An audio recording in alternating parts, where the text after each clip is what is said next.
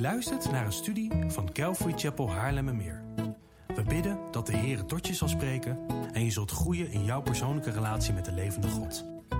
Bezoek voor meer informatie onze website calvarychapel.nl. Dat is C-A-L-V-A-R-Y-C-H-A-P-E-L.nl.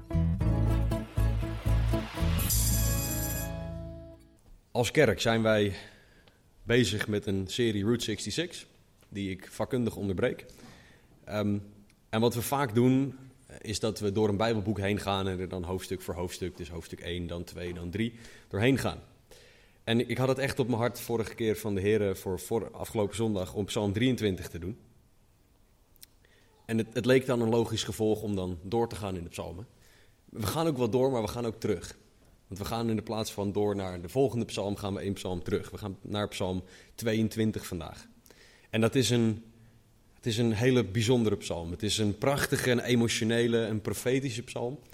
Het is een psalm waar zeker degenen van jullie die al wat langer in de kerk komen, zinnen uit gaan herkennen. Zoals bijvoorbeeld het eerste vers: Mijn God, mijn God, waarom hebt u mij verlaten?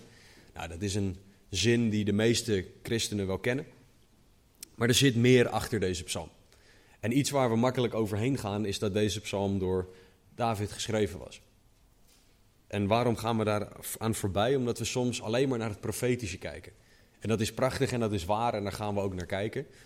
Maar er was een reden dat David schreef wat hij schreef. Er was een emotionele situatie waar hij doorheen ging, en we weten niet welke. ehm, waardoor hij schreef: Mijn God, mijn God, waarom hebt u mij verlaten? Dit is hoe David zich voelde. Dit is de situatie waar David zich in bevond. En dat zette hem aan tot dit opschrijven. En God heeft het dan, tussen aanhalingstekens, toevallig ook nog profetisch gebruikt. Maar er was echt een, een situatie waardoor David dit opschreef. Hij lag niet in een stoel met een bak koffie na te denken over wat er nou mooi zou zijn om op te schrijven. Dit is het, de schreeuw van iemand naar God toe. Iemand die door situaties heen gaat. En als we dan even een stap terug doen en um, naar Psalm 22, 23 en 24 kijken. Um, we gaan ze niet alle drie lezen vanochtend, wees gerust. Um, maar deze drie psalmen zijn een omschrijving voor Jezus als herder. Psalm 22 is de herder die sterft voor zijn schapen. Psalm 23 is de herder die zorgt voor zijn schapen. En Psalm 24 is de herder die terugkomt in glorie voor zijn schapen. Drie prachtige onderwerpen om naar te kijken. Vorige week hebben we flink wat tijd besteed aan Psalm 23, de herder die leeft en zorgt voor zijn schapen. En vandaag gaan we kijken naar de herder die zijn leven geeft voor zijn schapen. Maar nogmaals, dat is alleen de profetische en de toekomst, die voor ons alweer in het verleden ligt, maar oké, vervulling van deze psalm. Maar we gaan ook zien dat dit dingen zijn waar wij doorheen gaan. Wij kunnen het ook door omstandigheden uitroepen naar de Heer vanuit het gevoel dat we verlaten zijn door God. Mijn God, waarom hebt u mij verlaten? Dat komt ergens vandaan. En nergens in het woord zien we dat dat gestraft wordt door God. Dit zijn vragen die we aan God mogen stellen. Alleen we gaan ook in deze psalm zien wat het juiste perspectief is op deze emoties. Want David gaat ons emoties zien van, laten zien van zich verlaten voelen. Hij gaat pijn, verdriet, maar ook ontzettende vreugde aan ons laten zien. En waar David doorheen ging, we gaan elk blokje gaan we behandelen vanuit het perspectief van David en vanuit het perspectief van Jezus. We gaan zien dat wat David meemaakte in grotere en diepere mate vervuld is door Jezus Christus. Nogmaals, dit is een persoonlijke psalm. We kijken hier echt naar het hart van David. En door het hart van David heen geeft God ons een blik naar iets dat nog moest komen. Ondanks dat deze psalm heel veel pijn en verdriet en moeite neerlegt, eindigt deze psalm, zoals eigenlijk elke psalm, met hoop. Deze psalm eindigt met aanbidding. Het eindigt met God eren. En een blik op de toekomst waar wij ook van kunnen leren. Dus we gaan samen lezen. We gaan niet eerst de hele psalm doen, want dan zitten we hier morgen nog. Um, we gaan er per blokje doorheen. Ik zal aangeven wat die blokjes zijn. En dan gaan we vers voor vers kijken naar wat de Heer ons hier doorheen wil zeggen. Laten we eerst samen bidden en daarna het woord openen. Heren, dank u wel. Dank u wel voor uw woord. Dank u wel dat u trouw bent. Dank u wel voor koning David. Dank u wel voor de Heer Jezus. Dank u wel dat zij allebei een rol spelen in deze psalm. Dank u wel dat zij allebei ons een voorbeeld voor ons zijn. En dank u wel dat wij door hen allebei meer op u gericht mogen worden. Dus doe dat alstublieft. Richt ons meer op, op u door deze woorden heen. Laat er niks van mij bij zitten. Maar laat het alleen maar woorden van eeuwigheidswaarde zijn. Dus heren, spreek alstublieft zoals alleen u dat kan. Dat vragen we in Jezus' naam. Amen. Laten we beginnen met de eerste twee versen, eigenlijk vers 1 tot en met 3 samen lezen. Een psalm van David voor de koorleider op de hinde van de dageraad. Mijn God, mijn God, waarom hebt u mij verlaten? Bent u ver van mijn verlossing, van de woorden van mijn jammerklacht? Mijn God, ik roep overdag, maar u antwoordt niet. En s'nachts, maar ik vind geen stilte. Dit zijn echte, eerlijke, open gevoelens van iemand die het heel zwaar heeft. Als dit de opening van jouw gebed naar God is, dan heb je het zwaar. En David valt gewoon met de deur in huis. Waarom hebt u mij verlaten, God? Nou, we weten uit het woord dat het niet zo is dat God David echt verlaten had, want God is overal. Dit is een gevoel van David. Dit is iets waar hij mee worstelt. Dit is iets hoe hij de situatie ervaart, hoe hij voelt dat het is. Hij voelt zich verlaten door God. Hij voelt het dat God hem niet hoort. Hij heeft het idee dat hij de antwoorden niet krijgt die hij wel zoekt. En daarom schreeuwt hij het uit: Mijn God, mijn God, waarom hebt u mij verlaten? Waarom bent u ver van mijn verlossing? Waarom bent u ver van de woorden van mijn jammerklacht? Waarom is dat zo? En de omstandigheden leiden David naar deze gevoelens. Misschien lijken zijn omstandigheden wel groter dan God. Heer, u kan alles behalve waar ik nu in zit. Misschien is het erger dan ooit waar David zich in bevond. David vraagt ook niet, Heer, hebt u mij wel verlaten? Nee, hij zegt, u hebt mij verlaten, ik wil alleen weten waarom. Dat is het gevoel van David en hij snapt het niet. Waarom is dit zo? En wat we hier zien zijn echte emoties, echte vragen en echte twijfels. Nergens in het woord worden twijfels en vragen worden aan de kant geschoven als ze oprecht richting God zijn. En wat mooi is, is dat ondanks al zijn vragen, emoties en twijfels, David God kende. Want hij zegt mijn God, mijn God. Hij zegt niet de God van mijn voorvaderen. Hij zegt niet de God van Israël. Nee, hij begint met u bent mijn God. En daarom begrijp ik niet waarom u mij verlaten hebt, want u bent mijn God. Hij kende God persoonlijk. En toch voelde God heel ver weg op dit moment. Als we een paar honderd jaar vooruit gaan, is dit dezelfde vraag die Jezus stelt. De situatie is dat Jezus nu aan het kruis hangt. In de evangelie. Jezus die zijn handen en zijn voeten zijn doorboord met spijkers. We gaan later lezen over wat ze nog meer met zijn lichaam gedaan hebben om hem überhaupt aan het kruis te kunnen hangen. En dat lichaam dat gebroken en kapot is, waarvan de rug al kapot geslagen is met een zweep, waar een doornenkroon op het hoofd geslagen is. Het lichaam dat daarna een balk, een dwarsbalk, een berg op moest slepen. Waarna ze ook nog, waarbij ze ook nog eventjes een mantel in zijn open rug hebben geduwd. En hem er daarna ook nog weer even af hebben getrokken. Die God hangt nu aan het kruis. En had dus al ondraaglijke pijn. En daarbovenop komt nog zijn vraag: Mijn God, mijn God, waarom hebt u mij verlaten? In Matthäus 27, 46 stelt Jezus deze vraag. Dit is het duisterste en het donkerste moment van Jezus' leven. En vergeet niet, Jezus is God, dus Jezus leeft eeuwig.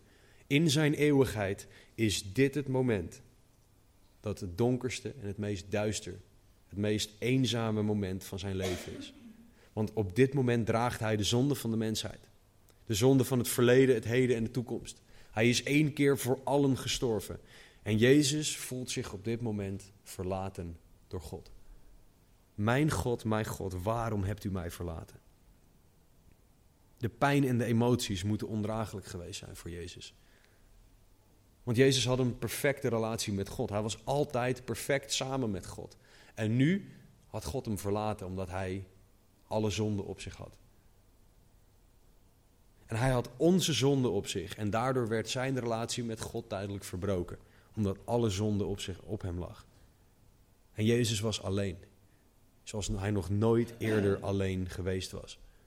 Mijn God, mijn God, waarom hebt u mij verlaten? Jezus beging of onderging onbeschrijfelijke pijn. Fysiek, maar vooral geestelijk. En hij hoefde niet. Het was niet zo dat er iemand machtiger dan hij klaar stond om hem weer het kruis op te duwen als hij er vanaf zou willen komen. Hij koos ervoor om dit te doen. Hij koos ervoor om door te gaan en hij wist wat er zou komen. Hij wist tot in elk detail wat hem aangedaan zou worden. En toch ging hij door. We weten dat Jezus doodsbang was, want in Lucas 22, 44 lezen we dat hij bloed zweette. Dat is een medische conditie, maar op het in het geval van doodsangst er haarvaatjes bloed doorlaten naar je, uh, naar je, naar je poriën, waardoor je zweet gevuld is met bloed. Jezus vreesde de, de zweepslagen, Jezus vreesde de doornenkroon. Het was fysiek vreselijk om doorheen te gaan. Hij vreesde het kruis, maar al die dingen vreesde hij minder dan het verlaten zijn door zijn vader. En ondanks dat hij het vreesde, ging hij door, omdat hij van ons houdt. Ondanks dat hij er niet naar uitkeek, dat hij vroeg, indien mogelijk, laat het aan mij voorbij gaan, zei hij, maar uw wil geschieden. En toen hij dat zei, maar uw wil geschieden, wist hij dat het moment zou komen waarop hij uit zou roepen, mijn God, mijn God, waarom hebt u mij verlaten? David ging door echte emoties heen, ging door echt pijnlijke dingen heen. Jezus ging nog veel dieper voor ons.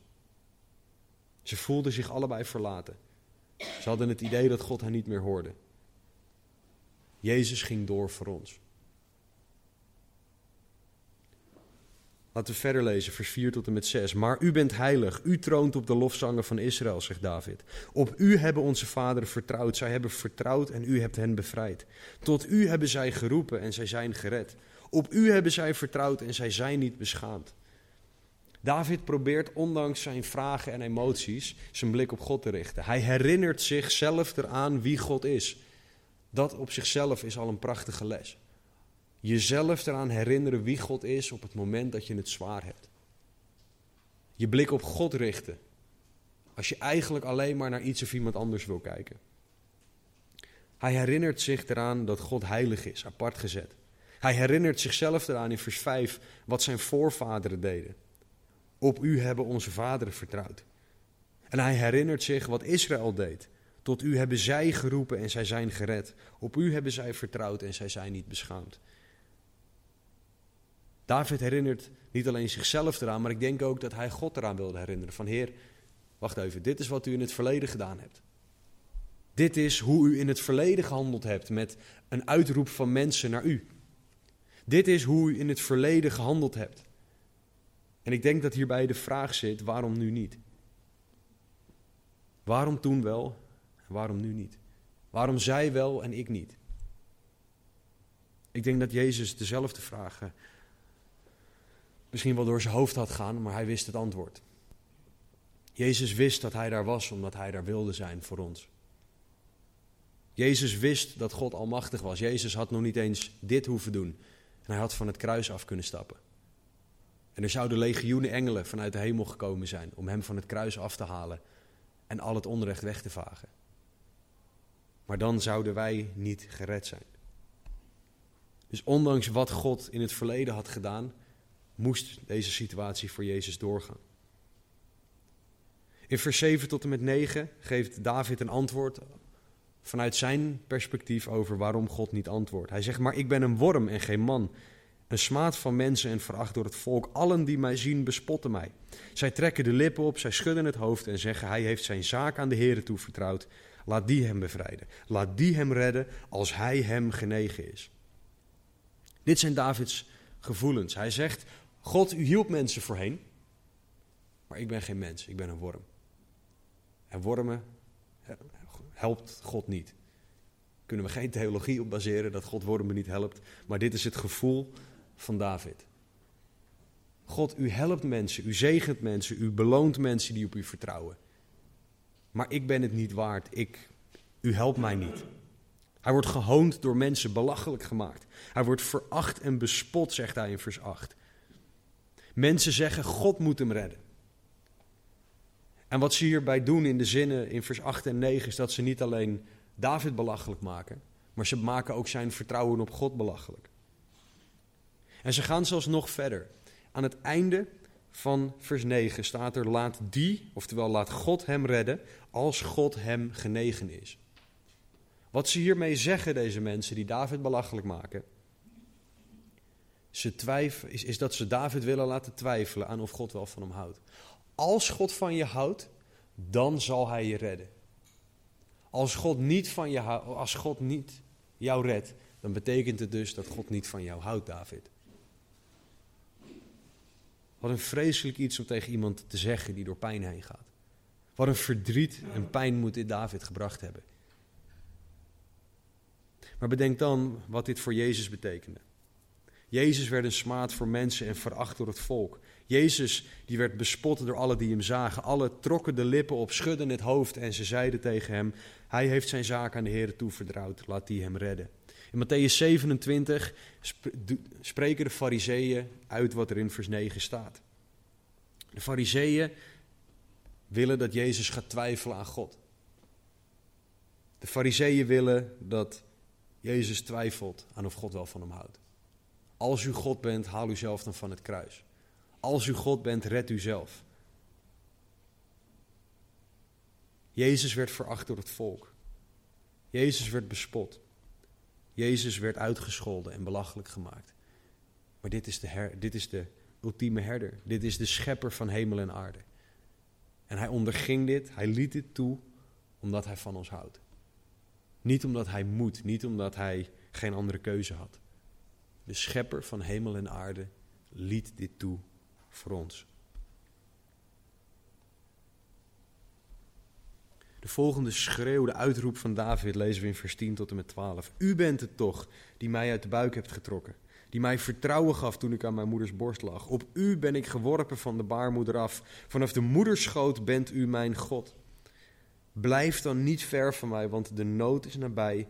Er is immers geen helper. David heeft het hier over dat God hem ter wereld gebracht heeft, dat God hem groot gebracht heeft. Dat God vanaf het begin af aan zijn God was. En hij vraagt God, red mij dan. Hoeveel zou Jezus dit meer ervaren hebben? Vanaf het begin af aan was Jezus bij God. Jezus' geboorte werd veroorzaakt door God zelf, nog letterlijker dan elke andere geboorte. God deed hem opgroeien. En toen Jezus opgroeide als kind op deze aarde, had er niemand een betere relatie met God dan kleine Jezus. En toch greep God niet in. Want hij hield meer van ons dan dat hij wilde dat deze pijn op zou houden. Er was geen helper voor Jezus, omdat er geen andere manier was. In vers 13 tot en met 19, en we gaan er per twee versen steeds doorheen, wordt het gevoel van David en daarmee het gevoel van Jezus omschreven. En er wordt hier tot in bizar detail omschreven wat er ook met Jezus gebeurd is. Maar laten we beginnen met David in vers 13 en 14. Vele stieren hebben mij omringd. Sterke stieren van Basan hebben mij omsingeld. Ze hebben hun muil tegen mij opengesperd als een verscheurende en brullende leeuw. David voelt zich omringd door sterkere mensen, deze stieren. Dit zijn mensen die hem willen verscheuren. In vers 15 en 16 zegt hij: Als water ben ik uitgestort, ontwricht zijn al mijn beenderen. Mijn hart is als was, het is gesmolten diep in mijn binnenste. Mijn kracht is verdroogd als een potscherf. Mijn tong kleeft aan mijn gehemelte. U legt mij in het stof van de dood. David voelt zich leeg. Hij heeft geen kracht meer. Hij kan niks meer zeggen. Mijn tong kleeft aan mijn gehemelte. Hij voelt zich helemaal kapot gemaakt. Ontwricht zijn mijn beenderen. Hij gaat verder in vers 17. Want honden hebben mij omsingeld. Een horde kwaaddoeners heeft mij omgeven. Ze hebben mijn handen en mijn voeten doorboord. Al mijn beenderen zou ik kunnen tellen. En zij, zij zien het aan, zij kijken naar mij. Zij verdelen mijn kleding onder elkaar en werpen het lot om mij gewaad. Dit zijn mensen om David heen die hem verder naar beneden willen duwen. Deze mensen die hij honden noemt, een horde kwaaddoeners. Die mensen hebben zijn handen en zijn voeten doorboord, waardoor David niks meer zelf kan vasthouden, omdat hij gewoon alleen maar pijn heeft. David is uitgemergeld mager, hij kan zijn beenderen tellen. Iedereen kijkt naar hem en hij is een spektakelstuk geworden voor mensen. En zijn kleren zijn gestolen, dat wat hem nog warm zou kunnen houden, en wordt verdeeld onder mensen.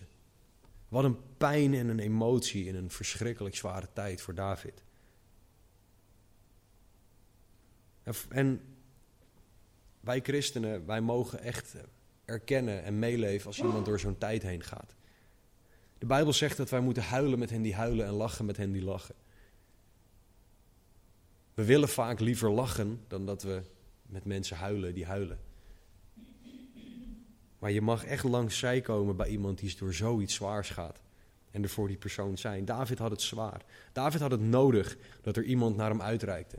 Dat iemand een arm om hem heen sloeg en samen met hem in gebed ging. En tuurlijk, er zijn bepaalde dingen waar je, waar je doorheen, alleen doorheen gaat. Er zijn bepaalde dingen waar niemand je bij kan helpen, behalve voor je bidden. Maar we hebben het zo nodig dat, dat iemand een arm om ons heen slaat. Tijdens de conferentie in Oostenrijk, ik heb tijdens elke conferentie heb ik één dag dan je kan het een naam geven, maar dan zit ik er even doorheen. Dan wil ik niemand zien, wil ik niemand spreken. Dan begin ik mezelf heel depressief te voelen en dan heb ik heel veel zelfmedelijden. Dan ben ik ook heel zielig voor de duidelijkheid. Nee um, en het laatste wat ik wilde, was met mensen praten. Dus ik wilde naar onze kamer. Ik sliep met Taco en met Mike op de kamer. Was heel gezellig trouwens. Um, maar er was één iemand en die had de sleutel en ik was het niet. Dus ik loop naar boven. Het is maar een klein stukje naar boven. Maar het voelt heel ver als je geïrriteerd bent en niet lekker in je vel zit. En Taco bleek de sleutel te hebben. En die zat helemaal aan de andere kant van het terrein. En ik was echt geïrriteerd. Ik was echt boos. Uh, dat ik die sleutel niet had. En dat ik niet gewoon even in mijn eigen zelfmedelijden kon gaan zitten vroeten. En Taco die appte toen. Ja, kom die sleutel maar halen. Ik dacht, ja, je kan hem ook brengen, maar oké. Um, kom hem maar halen. Ik zit daar en daar. Dan koop ik wel een milkshake voor je. Nou, als er één ding is wat ik sowieso niet lust, dan is het milkshakes. maar op dat moment al helemaal niet. Maar wat God toen tegen me zei is, vriend, er is nu iemand die naar je uitreikt. Er is nu iemand die tijd en aandacht aan je wil geven. Je moet gaan. En toen ben ik met Taco gaan zitten en hebben we een ontzettend goed gesprek gehad. Ik, heb, een, ik heb iets anders gedronken dan milkshake, dus dat kwam uiteindelijk ook goed. Maar ik had het nodig dat iemand, en in dit geval forceerde God het letterlijk door me voor een dichte deur neer te zetten. We hebben het nodig dat mensen naar ons uitreiken. En in dit geval was het zelfs een beetje geforceerd. Maar het was nodig om mij hier uit te krijgen. Zoiets hebben wij allemaal nodig. Iedereen vindt het fijn als een ander naar jou uitreikt. Ik ben zo iemand die wil altijd dat de ander naar mij toe uitreikt. Totdat God mij op een keer duidelijk maakt, ja, maar dat wil iedereen. En als iedereen op de ander gaat zitten wachten, gebeurt er nooit wat. Vraag aan God wie de persoon is in jouw omgeving die door zoiets heen gaat. En hoe jij naar die persoon mag uitreiken. Hoe jij die persoon mag dragen. Hoe jij de last van die ander mag dragen. Misschien betekent het dat je het meest gevoelsmatig machteloze kan, moet doen wat er is, en dat is bidden. Maar dan mag jij leren om meer te vertrouwen op gebed. Misschien mag je iets praktisch voor die persoon doen. Misschien mag je een stuk uit het woord lezen met die persoon. Maar vraag God om je ogen hiervoor te openen en om je ertoe aan te zetten om wat te gaan doen. Want dit hebben we allemaal nodig. David had het nodig. Maar als we gaan kijken naar de vervulling van al deze dingen, vers 13 tot en met 19, bij de Heer Jezus, dan zien we dat dat nog veel dieper ging. David zegt in vers 13 en 14 dat hij omringd wordt door stieren, sterke stieren van Basan. Ze hebben hun muil tegen mij opengesperd, opengesperd als een verscheurende en brullende leeuw. Jezus werd omringd door sterke mensen die hem wilden pijnigen. Tuurlijk, Jezus was sterker, maar hij ging. Deze mensen waren op dit moment sterker dan hij, omdat hij zich onderwierp aan wat er zou komen. Jezus werd omringd door mensen die Satans werk aan het uitvoeren waren. Tuurlijk, God gebruikte het op manieren die bizar zijn, maar op dit moment voelde het alsof Satan zelf die, die spijkers door zijn handen en zijn voeten heen ging douwen. Alsof Satan zelf die zweep in zijn handen had. En er genoegen in vond om de rug van God zelf open te trekken. In een van de Narnia-films is er een prachtig beeld. Daar gaat de leeuw Aslan gaat naar boven omdat hij zijn leven gaat geven voor iemand anders. De Narnia-boeken zijn trouwens geschreven door echt een fantastisch christen, C.S. Lewis. En wat je in dat stukje ziet wanneer hij naar boven loopt, is dat er allerlei hele lelijke beesten, maar ook juist echt stieren, langs die weg omhoog staan naar dat altaar. En dat wordt gehaald uit deze psalm. Sterke stieren van Basan hebben mij omsingeld. Dat is dat beeld, dat zit zo in mijn gedachten als ik dit lees. Jezus die liep daar naar dat kruis. Omringd door allerlei mensen, door de Joodse leiders. Er stonden Romeinse soldaten, allerlei mensen die hem wilden pijnigen. Hoe moet dat voor hem geweest zijn, omdat hij ook wist wat de geestelijke machten waren die erachter zaten? Wat een geestelijke duisternis moet hij doorgewandeld zijn naar dat kruis. Voor ons, voor jou en voor mij. Jezus werd als water uitgestort, zegt hij in vers 15. Ontwricht zijn mijn beenderen. Zijn botten zijn waarschijnlijk letterlijk voor ons ontwricht. Kruis, een kruis werd op standaardmaten gemaakt. De Romeinen waren vrij praktisch, net Ikea. Um, um, sorry, slechte vergelijking. Um, maar wat ze deden was, iedereen moest op dat kruis passen. En ze hadden niet verschillende maten klaar liggen naar naar gelang de persoon die er kwam. Als jij niet paste, als, dat, als mijn linkerhand er dan nog naartoe moest en het was nog zo'n stukje, trokken ze net zo lang aan mijn schouders, totdat mijn schouders uit de kom zouden gaan. Totdat je gewrichten, totdat je beenderen ontwricht worden, zodat je er maar in zou passen. Zo vreed was de kruisdood. Zo verschrikkelijk wat Jezus onderging voor ons. Het hart, zegt hij, mijn hart is als was, het is gesmolten diep in mijn binnenste. Sommige bijbelcommentatoren, die sommigen ook een medische achtergrond hebben, zeggen op basis van Johannes 19:34 dat Jezus letterlijk een gescheurd hart had, omdat er water en bloed uit zijn zij kwam toen hij geprikt werd op die plek. En dit zou een medische conditie kunnen zijn dat zijn hart letterlijk gescheurd was door de stress waar hij doorheen ging. Mijn hart is als was gesmolten diep in mijn binnenste. Jezus had geen kracht meer. Hij had dorst, daarom kreeg hij ook uiteindelijk nog wat te drinken. David voelde zich alsof hij in het stof van de dood ging. Jezus ging het stof van de dood in. Jezus ging het graf in. Voor ons. Jezus werd omsingeld door mensen die hem kwaad wensten. En vers 17, zij hebben mijn handen en mijn voeten doorboord. Bij Jezus zijn er letterlijk spijkers door zijn handen en zijn voeten geslagen voor ons. Bij David voelde het zo, bij Jezus was het zo. Jesaja 53:5 in de nieuwe Bijbelvertaling zegt: Om onze zonde werd hij doorboord. Zacharia 12:10 zegt over het huis van David en over de inwoners van Jeruzalem zal ik de geest van genade en van de gebeden uitstorten. Zij zullen mij aanschouwen die zij doorstoken hebben. Dit is allemaal al geprofiteerd over Jezus. En Psalm 22 is één van de psalmen die daar meer context en meer duidelijkheid aan geeft. Dit is wat Jezus onderging voor ons. Hij onderging marteling, beschimping, zelfs de dood voor jou en voor mij. Hij had dit elk moment kunnen stoppen, maar hij ging door uit liefde voor ons. Jezus werd gemarteld, waardoor zijn botten, zijn beenderen bloot zouden liggen. Al mijn beenderen zou ik kunnen tellen, vers 18. Zijn botten werden niet gebroken, zijn lichaam wel. En de omstanders die keken toe en maakten hem belachelijk. Jezus was een spektakelstuk geworden voor mensen. En in vers 19 zien we ook iets wat letterlijk vervuld is door de Romeinse soldaten. Zij verdelen mijn kleding onder elkaar en werpen het lot om mijn gewaad. Dat kan je lezen in Johannes 19, vers 23 en 24. Elk detail wat er over Jezus zijn dood geprofiteerd is, is uitgekomen. Waarom? Omdat Jezus van jou houdt. Waarom blijf ik dat herhalen? Ik weet dat hier heel veel mensen zitten die dit al honderdduizend miljoen in één keer gehoord hebben. Maar het mag nooit zo zijn dat wij onverschillig worden naar wat er hier staat. Het mag nooit zo zijn dat wij het kruis niet meer een wonder vinden. Dat we denken, ja, ik weet wel dat Jezus voor me gestorven is. Moving on.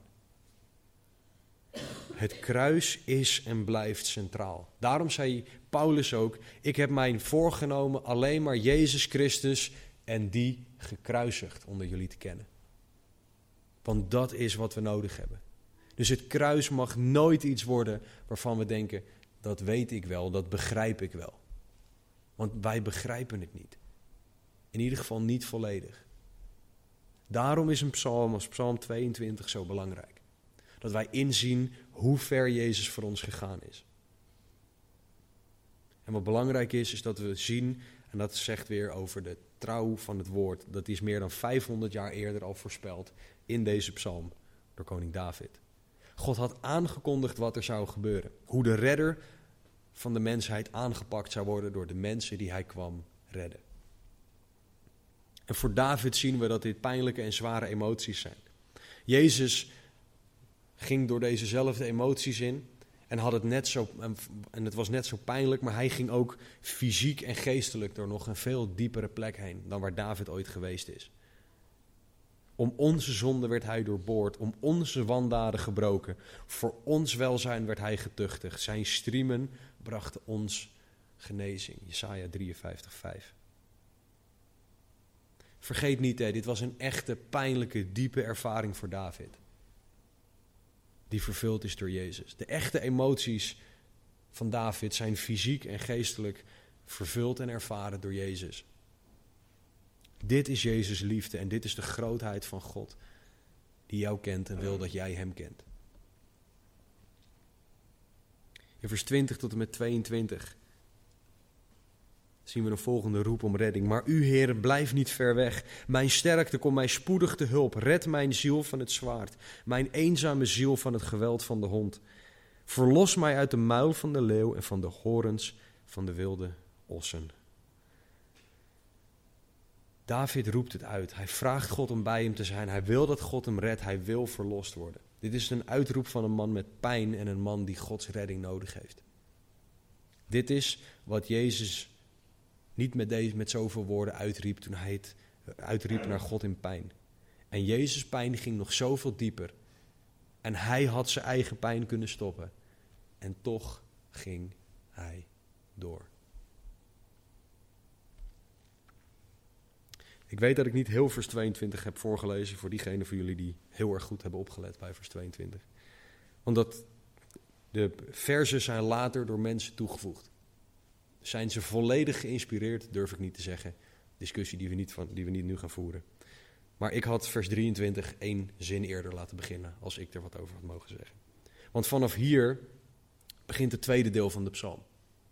Want vanaf hier lezen we iets belangrijks. Ja, u hebt mij verhoord. David heeft een antwoord gehad die zijn blik verandert. We weten niet wat de situatie was, wat het moment was dat hij dit hoorde. Maar vanaf hier wordt David op God gericht en wordt de toon van de psalm heel anders.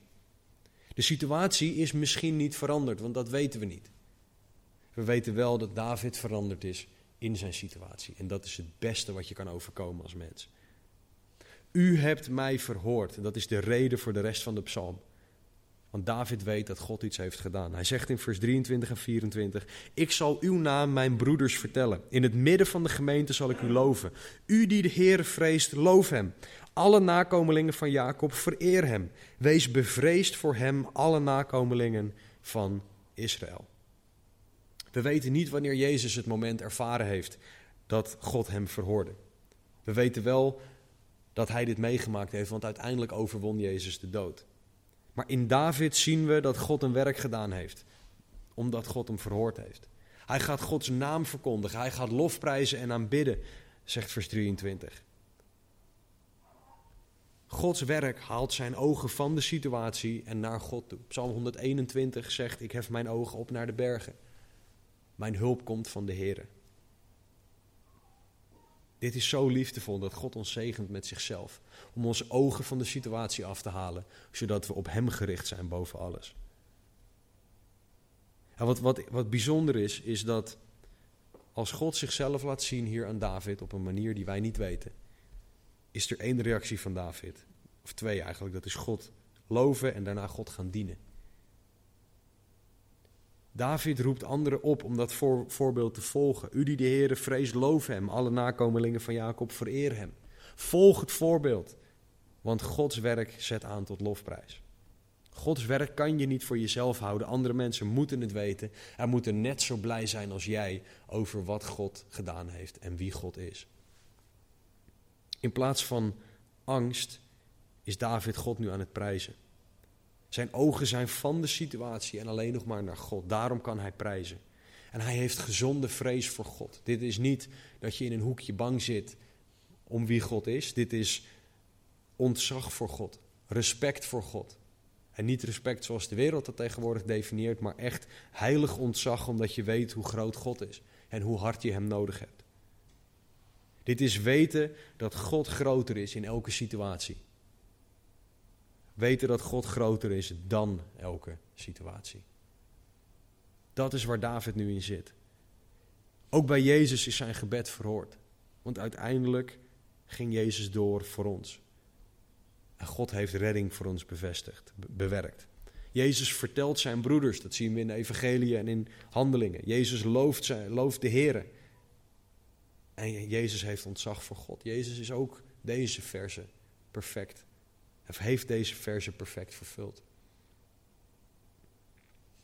In vers 25 tot en met 27 zien we de reden, nog een, nog een reden voor de verandering van perspectief. Want hij heeft de ellendige in zijn ellende niet veracht en verafschuwd. Hij heeft zijn aangezicht niet voor hem verborgen, maar hij heeft gehoord toen hij tot hem riep. Van u zal mijn lof zijn in een grote gemeente. Mijn gelofte zal ik nakomen in bijzijn van wie hem vrezen. De zachtmoedigen zullen eten en verzadigd worden. Wie de Heere zoeken, zullen hem loven. Uw hart zal voor eeuwig leven. Hij heeft gehoord, is Davids reden voor lofprijs. God laat de ellendige niet zitten. God kijkt niet weg bij onrecht, bij pijn, bij verdriet, bij misdaden, bij wat dan ook. Het is niet zo dat God met zijn rug naar de wereld toe zit en denkt: Oh, ik kijk alleen om als iemand me roept en als het mij uitkomt. Zo werkt God niet. God is bij ons in en door alles heen. Zondige mensen maken zondige keuzes op deze wereld, wat leidt tot pijn en verdriet. De vijand Satan zet mensen aan tot vreselijke dingen die mensen naar elkaar toe doen. Dat is wat we om ons heen zien. Zondige mensen die zondige keuzes maken. En de vijand die de mens aanzet tot dingen die tegen God zijn. En God ziet al deze dingen. En Gods hart doet pijn over al deze dingen. Maar Hij heeft ons een vrije wil gegeven. Waarmee wij voor, maar jammer genoeg ook tegen Hem kunnen kiezen. Waarom die vrije wil? Omdat Hij wil dat wij kiezen om van Hem te houden. Liefde moet een keuze zijn, niet een verplicht iets. Je kan iemand namelijk niet dwingen om van jou te houden. God wil dat wij kiezen voor een relatie met Hem. En alles wat er om ons heen gebeurt, alles wat er met ons gebeurt, elke situatie, God ziet en gebruikt die om mensen te laten zien wie Hij is. En in Romeinen 8:28 belooft Hij dat alle dingen medewerken ten goede. En het belangrijkste aan dat verse is dat wij God laten bepalen wat het betekent dat dingen medewerken ten goede. Dat betekent namelijk niet dat elke situatie goed komt, maar dat betekent dat God goed is in elke situatie en dat we daaraan vast mogen leren houden. David weet dit. David kiest ervoor om naar God te kijken. Dit zet hem aan tot aanbidding. Dit zet hem aan tot God gehoorzamen. Hij ziet in dat God alles is dat hij nodig heeft. En hij looft de Heer en zoekt hem. Dat zorgt ervoor dat hij niet omvalt en dat zijn hart vreugde kan vinden in God. God zag de situatie van Jezus. Jezus deed uit gehoorzaamheid wat hij deed, uit liefde voor ons. Hebreeën 12:2 zegt: Hij heeft, dat het gaat over Jezus, om de vreugde die hem in het vooruitzicht was gesteld, het kruis verdragen en de schande veracht en zit nu aan de rechterhand van de troon van God. Dat is wat Jezus voor ogen hield, de vreugde van wat er nog zou komen. En wat is die vreugde? Nou, één, dat hij weer bij God zou zijn, maar twee, dat jij daar ook mag zijn. Dat was de vreugde die hem aanzetten tot doorgaan. In vers 28 en 29 zien we een profetische blik naar de toekomst. door het werk van Jezus. Of, en iets wat David opschrijft. Nu gaat het een beetje meer af van David, wordt het steeds iets minder dichtbij en steeds meer alleen maar op God gericht. Hij zegt: Alle einden der aarde zullen eraan denken en zich tot de Heer bekeren. Alle geslachten van de heidevolken zullen zich voor uw aangezicht neerbuigen. Want het koningschap is van de Heer. Hij heerst over de heidevolken. David omschrijft iets waarvan hij geen idee heeft wat het betekent. De einden der aarde, alle geslachten van de heidevolken. Dit zijn gigantische uitspraken. En toch staan ze in de Bijbel. God wil hier iets mee. Dit is blijkbaar iets waar God het mee eens is.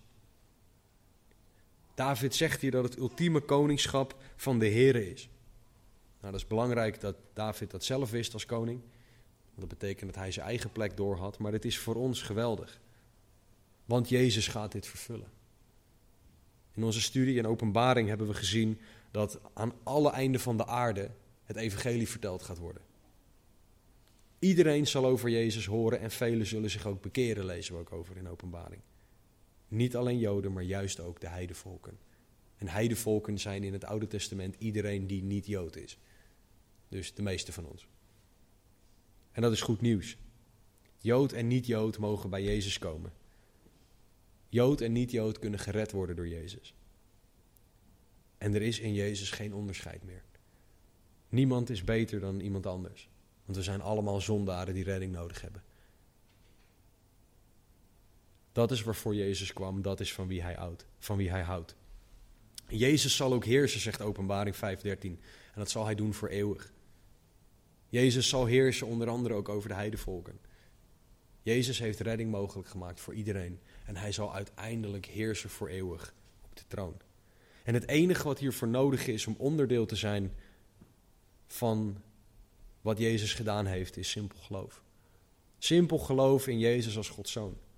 Want wie hem gelooft, wie gelooft in zijn leven, zijn dood en zijn opstanding, die is gered.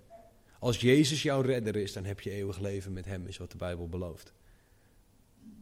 Dat is waarvoor Jezus kwam, zodat jij dat kan geloven. Zodat jij en ik eeuwig leven kunnen hebben. Vers 30 tot en met 32. Alle groten der aarde zullen eten en zich neerbuigen. Allen die in het stof neerdalen en hun ziel niet in het leven kunnen behouden, zullen voor zijn aangezicht neerbukken. Het nageslacht zal hem dienen en aan de Here toegeschreven worden tot in generaties. Zij zullen komen en zijn gerechtigheid verkondigen aan het volk dat geboren zal worden, want hij heeft het gedaan. David zegt dat mensen van alle statuur, alle zoals wij dat noemen, rangen van mensen. Want wij maken onderscheid waar God dat niet doet. In vers 30, mensen, alle groten der aarde zullen eten en zich neerbuigen. Allen die in het stof neerdalen, oftewel allen die doodgaan, wat iedereen is. En hun ziel niet in leven kunnen behouden, wat iedereen is, zullen voor zijn aangezicht neerbukken. Iedereen zal, zal buigen. Een deel vrijwillig en een deel niet vrijwillig, maar iedereen zal buigen. Dit is de toekomst en de hoop die David ziet. Het nageslacht zal God dienen. Zij zullen komen en zijn gerechtigheid verkondigen, zelfs aan het volk dat geboren zal worden. Aan degenen die nog niet geboren zijn, zal zelfs het evangelie verkondigd worden. De hele schepping zal God aanbidden, de hele schepping zal God eer geven. En dat is onze toekomst en onze hoop in lastige tijden. Het is maar tijdelijk waar ik doorheen ga. En dat is makkelijk te zeggen vanaf hier, als die niet weet waar jij doorheen gaat. Maar het is maar tijdelijk in vergelijking met de eeuwigheid bij God. Jezus is de vervulling van al deze dingen, want Hij is het object van aanbidding voor al deze mensen. Rijk, arm, nageslacht, maakt allemaal niet uit. Allen zullen Jezus aanbidden, omdat Hij het geslachte lam is. Openbaring 5, vers 11 tot en met 13 zegt het volgende. En ik, Johannes, zag en hoorde een geluid van vele engelen, engelen rondom de troon, van de dieren en van de ouderlingen. En hun aantal bedroeg tienduizenden, tienduizendtallen en duizenden, duizendtallen. Dat is een omschrijving van de Bijbel voor heel veel. En zij zeiden met luide stem: Het lam dat geslacht is, is het waard om de kracht te ontvangen en rijkdom en wijsheid, sterkte, eer, heerlijkheid en dankzegging. En elk schepsel dat in de hemel, op de aarde, onder de aarde en op de zee is, en alles wat daarin is, oftewel iedereen, hoorde ik zeggen, aan hem die op de troon zit en aan het lam, zij de dankzegging, de eer, de heerlijkheid en de kracht in alle eeuwigheid. Dat is de vervulling van wat we lezen in Psalm 22. De hoop die voor ons ligt, dat iedereen God zal aanbidden. Dat is de tijd waarin er geen pijn, verdriet en angst meer zal zijn. De tijd waarin Jezus regeert. De tijd waarin mensen op God gericht zijn en Hem zullen aanbidden. Als de hele schepping dit uit zal roepen naar Hem.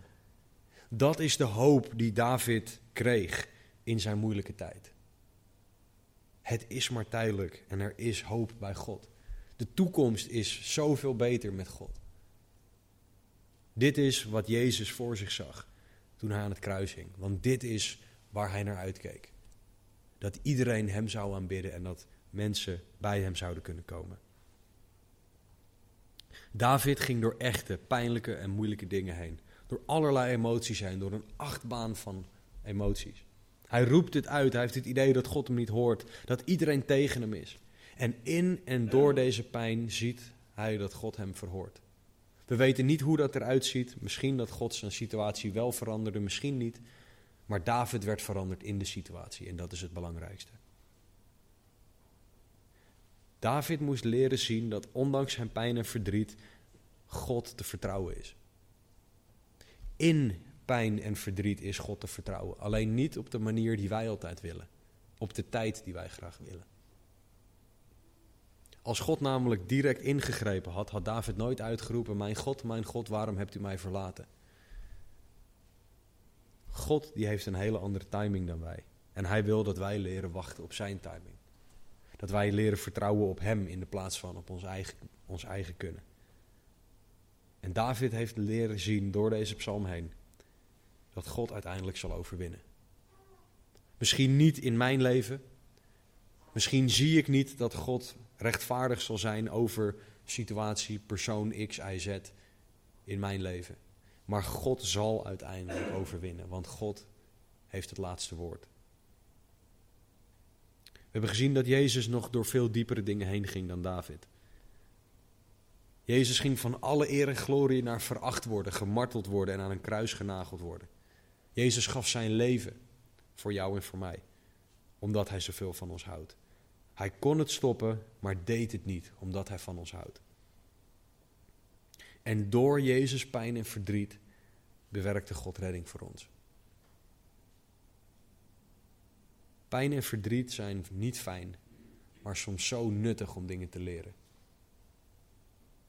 Ik heb het wel eens eerder gezegd, maar in een dal, daar groeit de vrucht.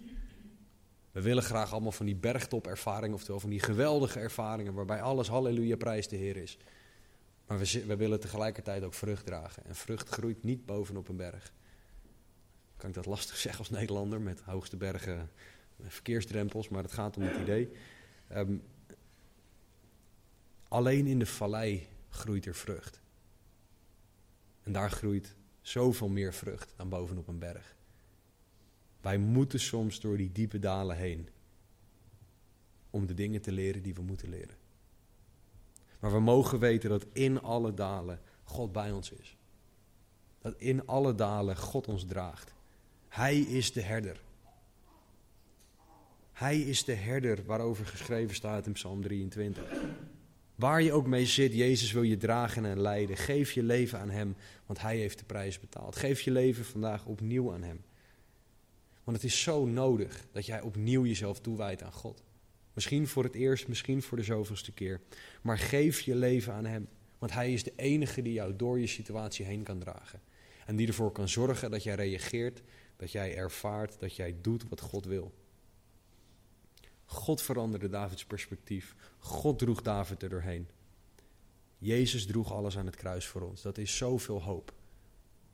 Het is zoveel reden om te vertrouwen. En dat is zoveel hoop voor de toekomst. Dus wat je situatie ook is, geef je leven vandaag aan Jezus. Want Hij is degene die je kan en wil dragen. Hij is degene die jouw perspectief kan veranderen. Waardoor je je ogen op God richt in de plaats van op mensen. Laten we bidden. Vader God, dank u wel voor uw woord. Dank u wel voor Psalm 22, dank u wel voor David. Dank u wel voor de trouw die u ons laat zien, heren, in alles. Dank u wel, heren, dat er geen dag en geen moment is dat u niet trouw bent. En heren, u weet wat voor situaties iedereen doorheen gaat op dit moment. U weet of we voelen zoals wat David voelt aan het begin van de psalm of aan het einde van de psalm. Maar Heer, ik bid dat u bij ons allemaal onze ogen zou richten op u. Dat u bij ons allemaal onze blik zal veranderen van onszelf naar u. Dat u bij ons allemaal zal laten zien hoeveel beter u bent dan elke situatie waar we doorheen gaan. Hoeveel groter, hoeveel liefdevoller dan elke situatie. Dus spreek op dit moment tegen iedereen alstublieft. Raak elk hart aan alstublieft. Heer, want we hebben het nodig dat u spreekt. We hebben het nodig dat u ons perspectief verandert. Op onszelf, op de situatie en op u. Dus Heer, doe alstublieft wat alleen u kan. Doe alstublieft wat alleen u kan. Heer, help ons ook om oog te hebben voor anderen die door iets heen gaan. Help ons om met hen te bidden, voor hen te bidden. Om er voor iemand te zijn. Zoals alleen u dat door ons heen kan doen.